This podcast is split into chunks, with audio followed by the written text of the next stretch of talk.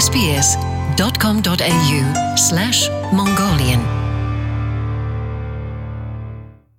За сайн бацгаана уу? Монголчууд та бүхэндээ энэ өдрийн халуун мэндийг хүргэе.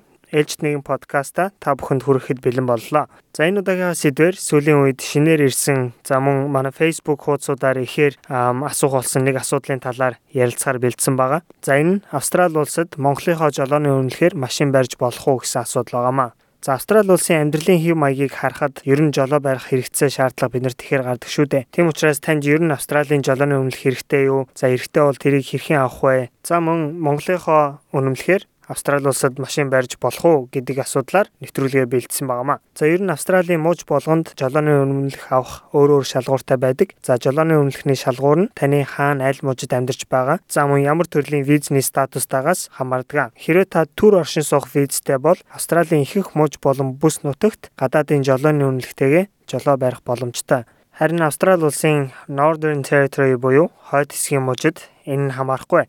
За энэхийн дүрмээр бол жолооны өмнөх нь англи хэлээс бусад хэл дээр бичигдсэн тохиолдолд та заавал албан ёсны англи хэл дээрх орчуулга эсвэл олон улсын жолооны өмнөх хамт авч явах ёстой байдаг. За албан ёсны орчуулгыг нь заавал элчин эсвэл консулаар батлагдсан итгэмжлэгдсэн орчуулагчаар хийгдсэн байх ёстой байдаг. Харин Монгол үнэлэх маань Монгол болон англи хэл дээр давхар бичигдсэн байдаг тул та заавал орчуулах шаардлагагүй болж байгаамаа. Зарим улсуудаас ирсэн хүмүүс Австрали улсын жолооны шалгалт заавал өгөх шаардлагатай болдог. За үүнд Виктория мужийн зам дээрх бүртгэл болон үнэмлэхний асуудал хариуцсан гүйцэтгэх захирал Дэвид Шелтон биднэрт тодруулга өгсөн юм а. However, many new migrants to Australia Австрали улсад шинээр ирж буй олон хүмүүс за тухайлбал Энтхэг, Судан, Пакистан зэрэг улсаас ирсэн хүмүүс үнэлгээ Виктория мужийн жолооны өмнөх болгоход заавал бүх шалгууруудыг давсан байх шаардлагатай болдгоо. Харин хөгжингүй зарим барууны улсаас ирсэн хүмүүс ямар ч шалгалт өгөхгүйгээр үнэлгээ Австралийн үнэлэх болгон солиулах боломжтой байдаг. There's a small number of recognized countries These are countries for which you do not need to sit a test. Жолооны өмнөхөө шалгалт өгөлгүйгээр солиулах шаардлага хангадаг цөөн хэдэн улс байдаг. За үүнд Сингапур, Испани, Япон, Малт, Швед, Их Британи, Канада болон бусад Европын орнууд хамрагддаг. Тэрээр төр оршин суух визтэй хүмүүс заавал үнэмлэхээ солиулах шаардлагатай эсхийг бодолцож үзэх хэрэгтэй гэж дурдсан.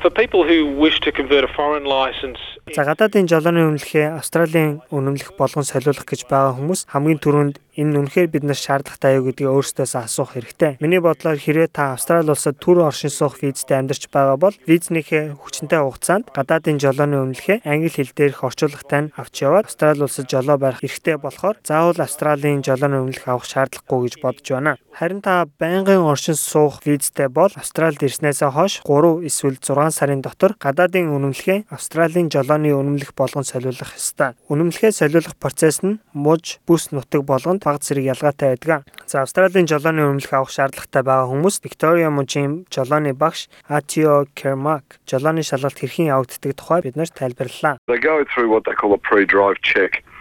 Um, they're checking for the applicants to know and understand how to use the controls and making sure that the vehicle's roadworthy. За онлайн шалгалтын дараа хамгийн түрүүнд жолоочийн машина бүрэн удирдах мэдлэг чадварыг шалгадаг. Үүнийг pre-drive check гэж нэрлэдэг юм а.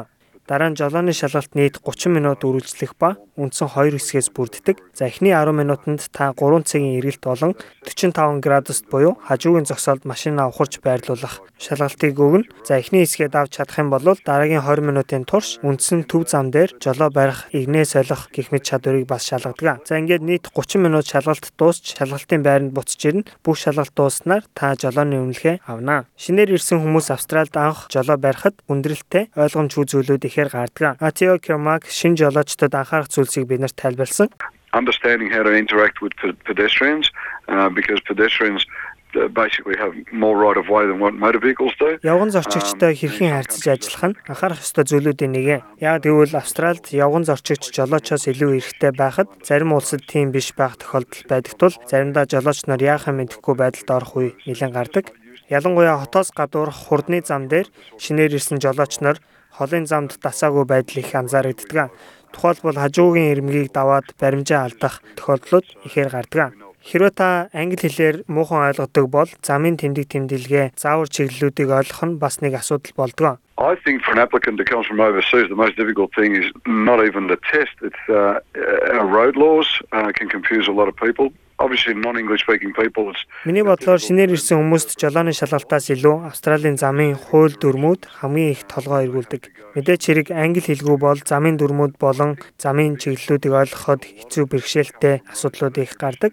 За бас нэгэн хүндрэлтэй асуудал нь баруун талдаа жолоо барьдаг улсаас ирсэн хүмүүс Австральд зүүн талаа барин жолоо барихад толгой эргэх асуудал бас гардаг. and that does throw them out quite a lot. За бүх мужи болон бүс нутгуудад замын хөдөлгөөний тухай хууль дүрмүүд нь баг зэргийн ялгаатай байдаг гэж өмнө хэлсэн. А тийм учраас та бүхэн манай нийтлэл дээр байгаа вебсайтуудаар ороод дэлгэрэнгүй мэдээллийг аваарай. SBS Mongolian Welcome home